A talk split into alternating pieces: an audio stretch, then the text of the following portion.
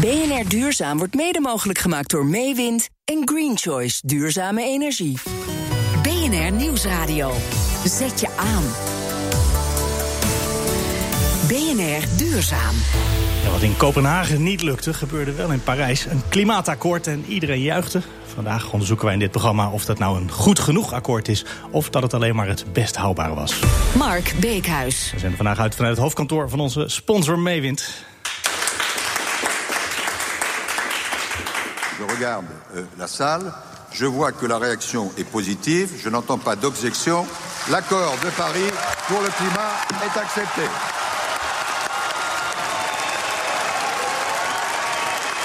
Is veel groter applaus dan uh, wij net hier bij in het hoofdkantoor uh, hebben.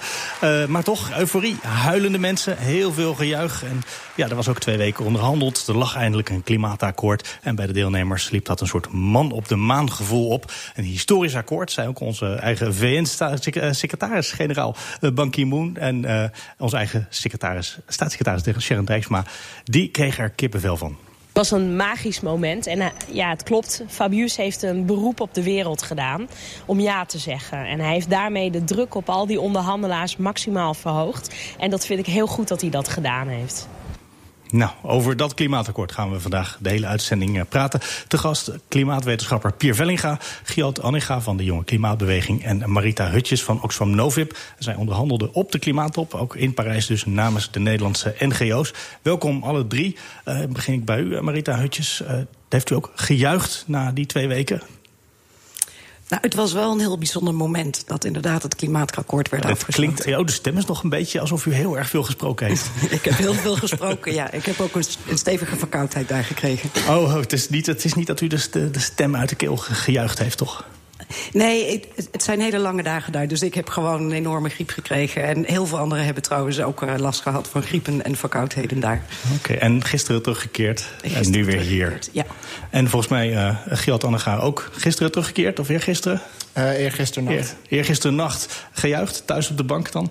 Uh, het, was, het was gemengd. Het was uh, wel dat zoveel landen dit akkoord van 2 graden... al een streven naar anderhalf hebben gezegd. Dat was echt wel een overwinning. En natuurlijk, er kunnen altijd dingen beter... maar je moet met zoveel landen moet je dat akkoord sluiten. Maar dat is... hier klinkt nog niet de magie in door... die onze staatssecretaris nou, hoorde. Nou, ik, maar ik voel wel de hoop. De hoop bij heel veel mensen dat dit echt het begin van het einde... van het fossiele tijdperk is. Ja, Pier Vellinga, u gaat al heel lang mee, hè? Uh, ik dus heb echt was gejuicht. dit het Ja, gejuicht? Jazeker. Ik had uh, de BBC aan uh, op zaterdagochtend... en toen kon ik het allemaal mooi zien gebeuren. Ik was echt helemaal door dolle.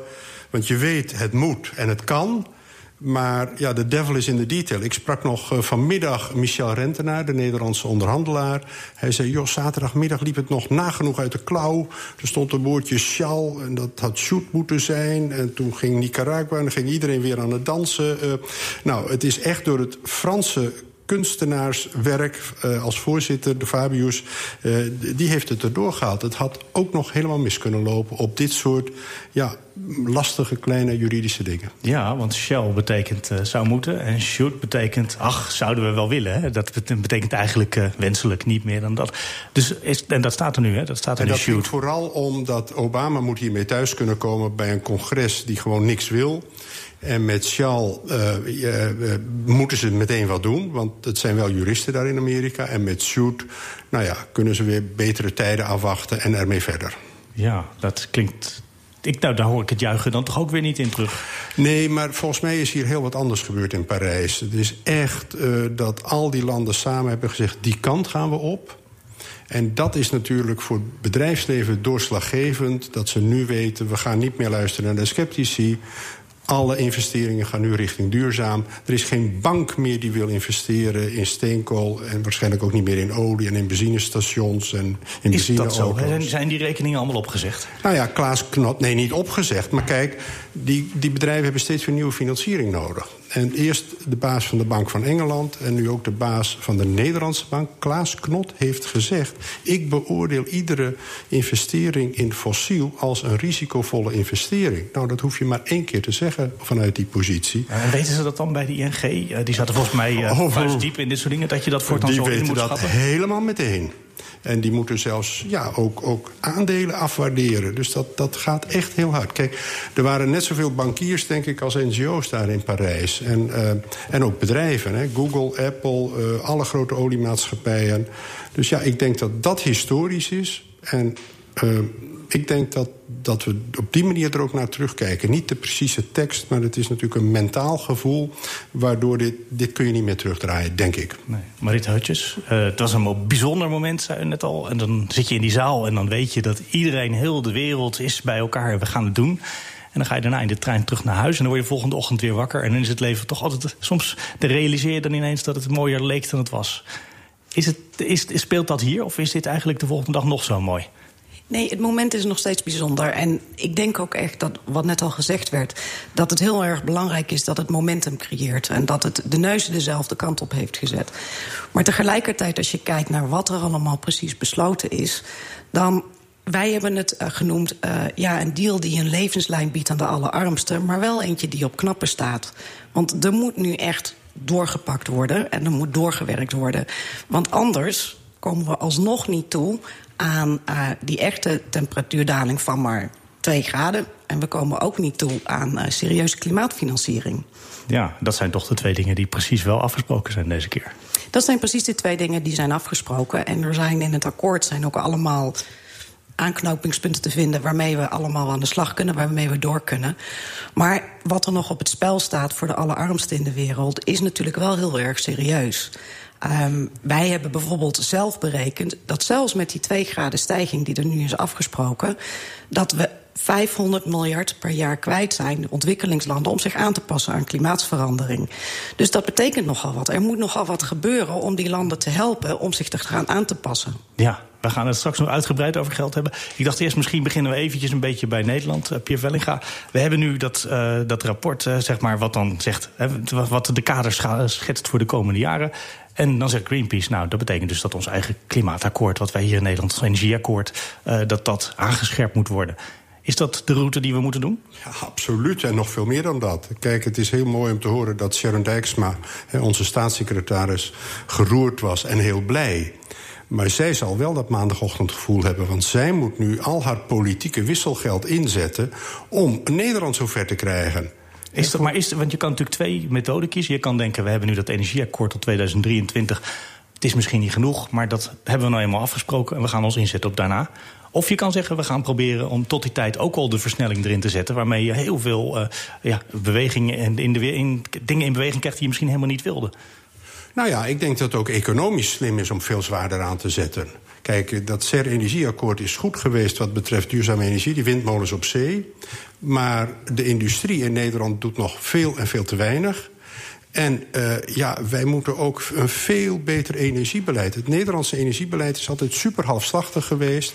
En ik denk en ik hoop dat dat nu voorbij is. Elektrische auto's, uh, een iets hogere belasting op uh, grootgebruikers op energiegebied. Er zijn allerlei mogelijkheden. En ook de rechter heeft gesproken, hè, naar aanleiding van het Urgenda-case. Min 25 procent, dus er er moet de komende drie jaar echt een versnelling komen. Ja, er zijn allerlei mogelijkheden, maar die zijn natuurlijk al sinds de jaren tachtig. Dus wat zou er nu veranderd zijn dat we in Nederland ook denken... oh ja, maar die mogelijkheden moeten we ook gebruiken? Nou ja, ik heb ook VNO horen spreken. Die waren er ook heel blij mee, tot mijn verbazing. Omdat natuurlijk die woordvoerders toch heel lang geremd hebben op dit vlak. Uh, en die zeggen, ja, we hebben allemaal kansen voor het Nederlandse bedrijfsleven. Nou, ik zou graag zien dat die nu ook benut worden. Maar dat vraagt ook wel uh, politieke maatregelen om dat mogelijk te maken. Ja, en dus het energieakkoord openbreken en gewoon vol nou, openbreken hoeft niet, hè? Je kan het verscherpen. Ik bedoel, het nou, dat is, is openbreken, want iemand zal als hij meer opgelegd krijgt... ook iets terug willen krijgen. Nou ja, of uh, ja, kijk, het alternatief is... je kan alvast al die kolencentrales sluiten. Ja, uh, maar dat is een deel van de deal. Dus er, zal dan, dus daar, daar, daar moet altijd een wisselgeld okay. voor komen. Toch? Als u dat openbreken noemt, maar ja, ik denk ja. inderdaad... die kolencentrales, daar hebben wij als hoogleraar al voor gepleit. Ja. Kijk, die dingen, er is overcapaciteit in Nederland. Je kan veel beter gas gebruiken. Dus dat is de eerste no-brainer waar Nederland mee kan beginnen. Maar verder moeten we ook nadenken... hoe kan onze industrie hier beter van worden? Uh, en daar liggen kansen en daar heb ik dit kabinet nog niet over gehoord. Ze zeggen altijd, hè, duurzaam is duur, maar het is nu andersom. Duurzaam levert geld op. Ja, en het Europese beleid is min 40% CO2-uitstoot in 2050. 2030? 2030, ik zeg het ja, ja precies. Waar streeft Nederland eigenlijk op af met het beleid waar we nu zitten? Ja, we zijn op het ogenblik weer aan het groeien met CO2. Hè. Dus niet op min 40. We laten de auto's weer 130 rijden. Duitsland die zit prima op koers. En je hebt grote kans dat dat Europese doel wordt aangescherpt. Dat betekent Nederland ligt achter, moet straks tegemoetkomen aan een aangescherpt Europees doel. Dus wij moeten dubbel zo hard werken omdat we zo laag begonnen zijn. Ja, en dan kijken we maar eens even naar de toekomst. Want uh, Gjalt Annega, jullie hebben ook een plan gemaakt uiteindelijk... om misschien nog wel sneller voor 2020 al min 40% CO2 uh, te bereiken. Wat voor soort opties staan daarin die nu dan nog niet toegepast worden kennelijk? Nee, dat, dat akkoord, waar die, uh, sorry, akkoord um, het manifest waar die 40% in staat... en waar dus meer dan 100.000 jongeren echt achter staan... Um, dat klinkt inderdaad, zoals je misschien al denkt, wel heel ambitieus. Maar zoals meneer Pier Vellega net al zegt met die kolencentrales ga je al gauw naar de 25% reductie. En dan kan je verder kijken wat voor mogelijkheden zijn er. Een derde van de CO2-uitstoot is van de bebouwde omgeving. Ga huis isoleren. Ga ze energie-neutraal maken. Dat staat in het energieakkoord. Zouden we kunnen gaan doen. Ja, maar het, het energieakkoord is dus niet voldoende snel. Daarom zegt meneer Vellinga ook aanscherpen. Dat kan sneller. En het bedrijfsleven is nog een keer een derde van die uitstoot. Nou, daar zijn al een paar leiders in. Die moeten ook vooral uh, zo doorgaan. En er zijn nog heel veel bedrijven die achterlopen. Maar het leuke vond ik wel... Ik, ik, ik pak even de Volkskrant van vanochtend erbij. Je haalt hem onder een FD vandaan. Dat vind ik dan toch ook wel weer mooi. FD af, nou, ja, ik moest hem even, even afschermen. Uh, en dan zegt bijvoorbeeld de bestuursvoorzitter van Unilever, Paul Polman... een economie met nul uitstoot realiseren... is de grootste zakelijke kans van de eeuw. Uh, de Bank, Bank of England heeft het over de risico's van investeren in fossiel. Uh, er zijn echt leiders op dit gebied en die doen het goed. Maar er loopt veel te veel nog achter. En ook onze overheid loopt achter op wat burgers en bedrijven gewoon willen eigenlijk. Ja, en ik zat te denken, ik hoorde uh, volgens mij Pier Vellinga bij Nieuwsuur zeggen... de volgende auto die u koopt is waarschijnlijk een elektrische. Toen dacht ik, de vorige had waarschijnlijk al een elektrische geweest... als ik maar had geweten waar ik hem had moeten opladen. Er zijn 200 parkeerplekken bij mij in de straat... en er zijn twee plekken waar ik hem in de stekker kan stoppen. En als ik daar na twee uur opgeladen ben... dan moet ik hem ook nog midden in de nacht weghalen. Dus het land is er nog niet aan toe dat, dat ik al een elektrische auto ga kopen. Nou, maar je kan ook een buurtactie beginnen en met z'n allen drie, vier palen neerzetten hoor. Als je alles moet wachten tot de overheid het doet. Uh, iedereen kan zelf uh, maatregelen nemen. Je kan je auto zelfs door het wc-raampje opladen met 220. Dus uh, het, het is waar. Ik zal dat maar mijn benedenburen niet aandoen. Onze maar... overheid moet helpen en onze gemeentes moeten helpen ook met laadpalen. Maar ik zie niet in waarom niet iedere volgende auto elektrisch zou moeten kunnen zijn. Oké, okay, we gaan zo verder praten over het energieakkoord. Nee, wat zeg ik? Het klimaatakkoord. Ja, het energieakkoord dat zit er wel een beetje doorheen als het om Nederland gaat. We gaan het zo meteen vooral hebben over geld. En ik ga nog even aan de jongeren vragen of wij nou moeten stoppen... of zij vooral moeten stoppen met hun wereldreizen... met die goedkope round-the-world tickets. BNR Nieuwsradio. Zet je aan. BNR Duurzaam. En BNR Duurzaam is vandaag weer te gast bij de hoofdsponsor Meewind in Haarlem. De gast in dit programma zijn dan vervolgens weer klimaatwetenschapper Pier Vellinga, Gjalt Annega van de Jonge Klimaatbeweging en Marita Hutjes van Oxfam Novib, die onder andere in Parijs onderhandelden op de klimaattop namens de Nederlandse NGO's.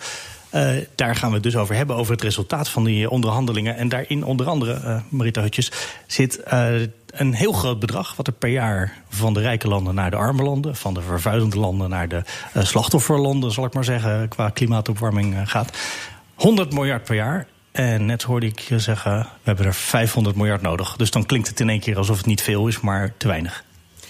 Nou, de 500 miljard die ik uh, daarnet benoemde, dat gaat slechts nog over het geld om je te wapenen tegen de klimaatverandering.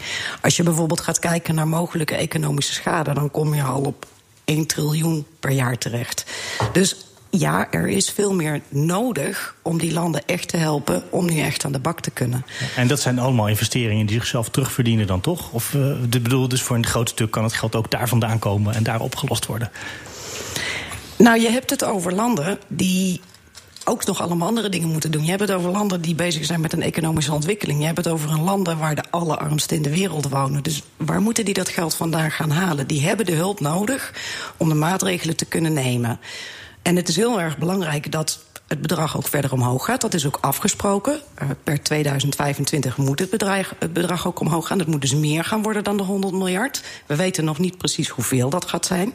Dus daar moet nu weer hard naar gekeken gaan worden. Van hoeveel gaat het dan eigenlijk om? En hoeveel is er nodig in de praktijk misschien ook wel? Want je moet het geld wel kwijt kunnen. Je moet het geld kwijt. In projecten, hè? Ik bedoel, heel praktisch, dat soort dingen. Die, soms kan je heel veel geld verzamelen voor iets... en is het heel moeilijk om het gecontroleerd en beheerst... maar wel toetreffend uh, toe te passen.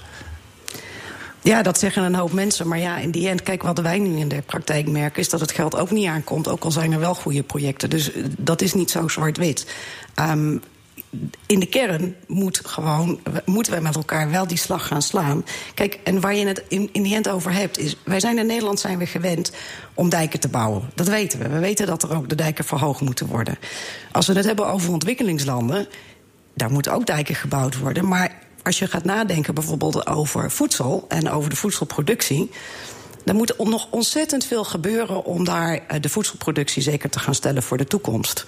Daar wordt nog vrij weinig aandacht aan besteed op het moment. Maar die slag moeten we wel met elkaar gaan maken. Wat dat nou in praktijk betekent en hoe we dat voor elkaar kunnen over, krijgen. Over welke landen hebben we het dan bijvoorbeeld waar de voedselproductie onder vuur ligt? Eigenlijk bijna alle ontwikkelingslanden. Alles rond Evenaar. Uh, en dat is ook ons eten dan uiteindelijk, om het even heel praktisch naar mezelf toe te trekken. En dat is bijvoorbeeld ook een reden voor een bedrijf als Unilever... om wel heel erg ambitieus te zijn, want zij weten het. Zij weten dat landbouwproductie, dat, dat is de kern van hun business. En zij weten ook dat die landbouwproductie voor de toekomst bedreigd wordt. En daarom zijn zij zo ambitieus. En daarom roepen zij overheden op om veel meer stappen te nemen. Ja, en die 100 miljard die komt al uit Kopenhagen, als ik me goed herinner. Daar werd ook een vergelijkbaar bedrag genoemd. En iedereen zou dan alvast wat overmaken. Dat is niet echt gebeurd. Zou dat deze keer wel gebeuren? Er is natuurlijk wel iets over gemaakt, maar niet het bedrag wat er beloofd was. Uh, nou ja, kijk, als je niet blijft vragen en als je niet door blijft vragen... en wat er daar straks ook al gezegd werd... kijk, als burgers en bedrijfsleven niet constant blijven vragen om de verbetering... zal het er ook zeker niet gaan komen. Dus dat is wat wij ook zullen blijven doen. Maar het klopt. Als je gewoon gaat berekenen van hoeveel geld is er nu eigenlijk gegeven... Ja, landen zijn niet zo betrouwbaar. Landen zijn niet zo betrouwbaar, nee. En wij hebben berekend dat er ongeveer 8 tot 10 miljard hulp nu gekomen is voor landen... om zich te wapenen tegen klimaatverandering... van die 100 miljard waar we naartoe aan het werken zijn.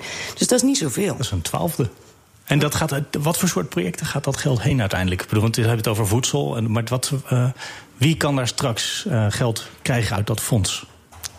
Het geld gaat in eerste instantie hoofdzakelijk van overheden naar overheden. Geld gaat ook via de Wereldbank.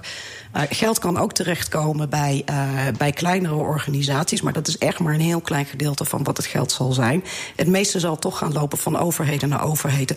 Dan wel vanuit de private sector geïnvesteerd gaan worden in die landen. Ja, is het extra geld of is het geld wat we misschien toch al als ontwikkelingssamenwerking te boeken hadden staan hier in de begroting?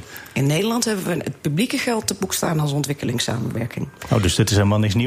Dat geldt ja, voor Nederland in elk geval. Misschien dat het in eh, Frankrijk of in Duitsland wel veel een enorme toevoeging is, maar bij ons is het. Uh... Nee, eigenlijk voor de meeste rijke landen gaat het, komt het geld uit ontwikkelingssamenwerkingspot. Oh, is het dan wel een verbetering? Als we het op een. Ja, we hebben nu dan het klimaatlabeltje erop gehangen. Nou ja, kijk, wij hebben altijd gezegd dat dit geld bovenop ontwikkelingssamenwerking moet komen. Dat willen de rijke landen niet. Dat zullen wij ja, dat zijn wij, hè? De rijke landen. Wij, dat zijn wij. Dat zullen wij ook blijven zeggen. Het moet bovenop ontwikkelingssamenwerking komen. Maar goed, tot, eh, op het moment is daar niet de politieke wil voor bij de meeste landen om dat te doen. Dus ook daarop zullen wij door blijven vragen dat dat wel weer gaat gebeuren. Vooralsnog komt het uit de ontwikkelingssamenwerkingspot. Gilt Annega, jullie hebben ook eens bereikt op de top. Jullie hadden een plan voor onderwijs, educatie. Dat staat notabene drie keer genoemd in het uh, akkoord uiteindelijk. Dus dat is echt binnengehaald kennelijk. Wat is daar precies binnengehaald op het onderwijsgebied?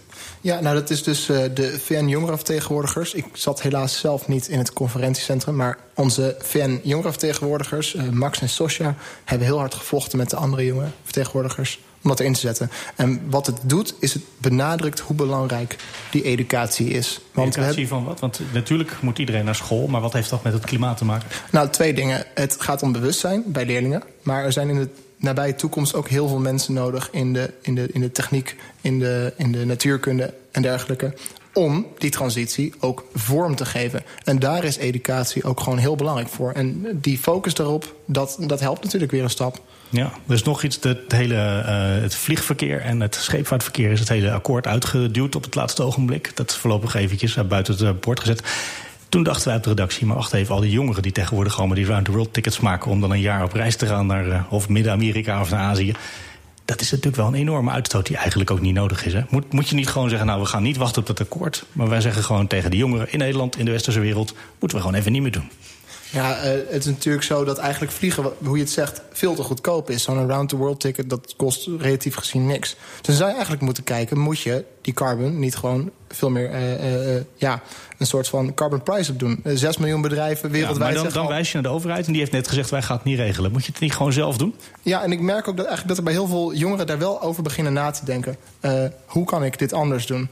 En dat betekent niet dat in één keer van de een op de andere dag er niet meer gevlogen wordt door jongeren. Maar het verschil, het idee is ze willen meedenken. In Canada gaan de jongeren ook meedenken over, over beleid. Hopelijk in Nederland ook. Um, dat laat wel zien dat jongeren mee bezig zijn van hoe kunnen wij onze eigen uitstoot ook, ook verlagen. We gaan allemaal zien wat het de komende jaren op gaat leveren. Want hier hebben we natuurlijk nu jaren en jaren naartoe geleefd. En voorlopig hebben we nu dan niet zo papier in elk geval. Dank voor jullie komst naar Haarlem. Uh, klimaatwetenschapper Pier Vellinga, Giald Annega van de Jonge Klimaatbeweging... en Marita Hutjes, klimaatonderhandelaar voor Oxfam Novib. De minuut van de.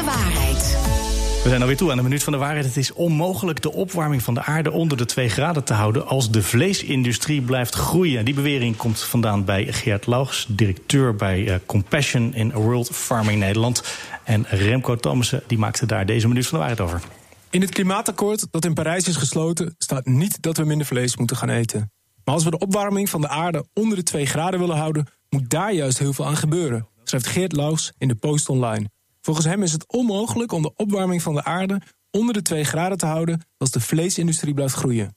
Volgens Teun Vellinga, onderzoek aan de Wageningen Universiteit en lid van het Groene Brein, zorgt de vleesindustrie inderdaad voor een hoop CO2-uitstoot. Wereldwijd zijn de emissies van veehouderij ongeveer 15% van de totale emissies uh, die we als mensen uh, produceren. En het betekent dus dat 85% van de emissies is aan onze andere consumptiezaken gekoppeld. Het betekent dus dat uh, dat er ook op dat andere vlak heel veel uh, moet gebeuren. Minder vlees eten is volgens Vellinga niet de oplossing om de CO2-uitstoot omlaag te krijgen. De bevolking groeit, de verstedelijking neemt nog toe, de welvaart neemt toe. Dus de consumptie van dierlijk eiwit gaat daar alleen nog maar toenemen. En dan praat je over grote aantallen mensen. Het is juist de kunst om te zorgen dat die veehouderijproductie dan veel efficiënter plaatsvindt, waardoor de emissies omlaag gaan. En dat is heel goed mogelijk. De uitspraak is volgens Vellinga dan ook... Helemaal onwaar. Helemaal onwaar, dat hebben we niet vaak, maar deze keer wel. Dit was het voor deze week. Dank voor het luisteren. Terugluisteren? Ook dit programma vind je terug in de BNR-app. BNR Duurzaam wordt mede mogelijk gemaakt door Green Choice en Meewind, partner in duurzame energie.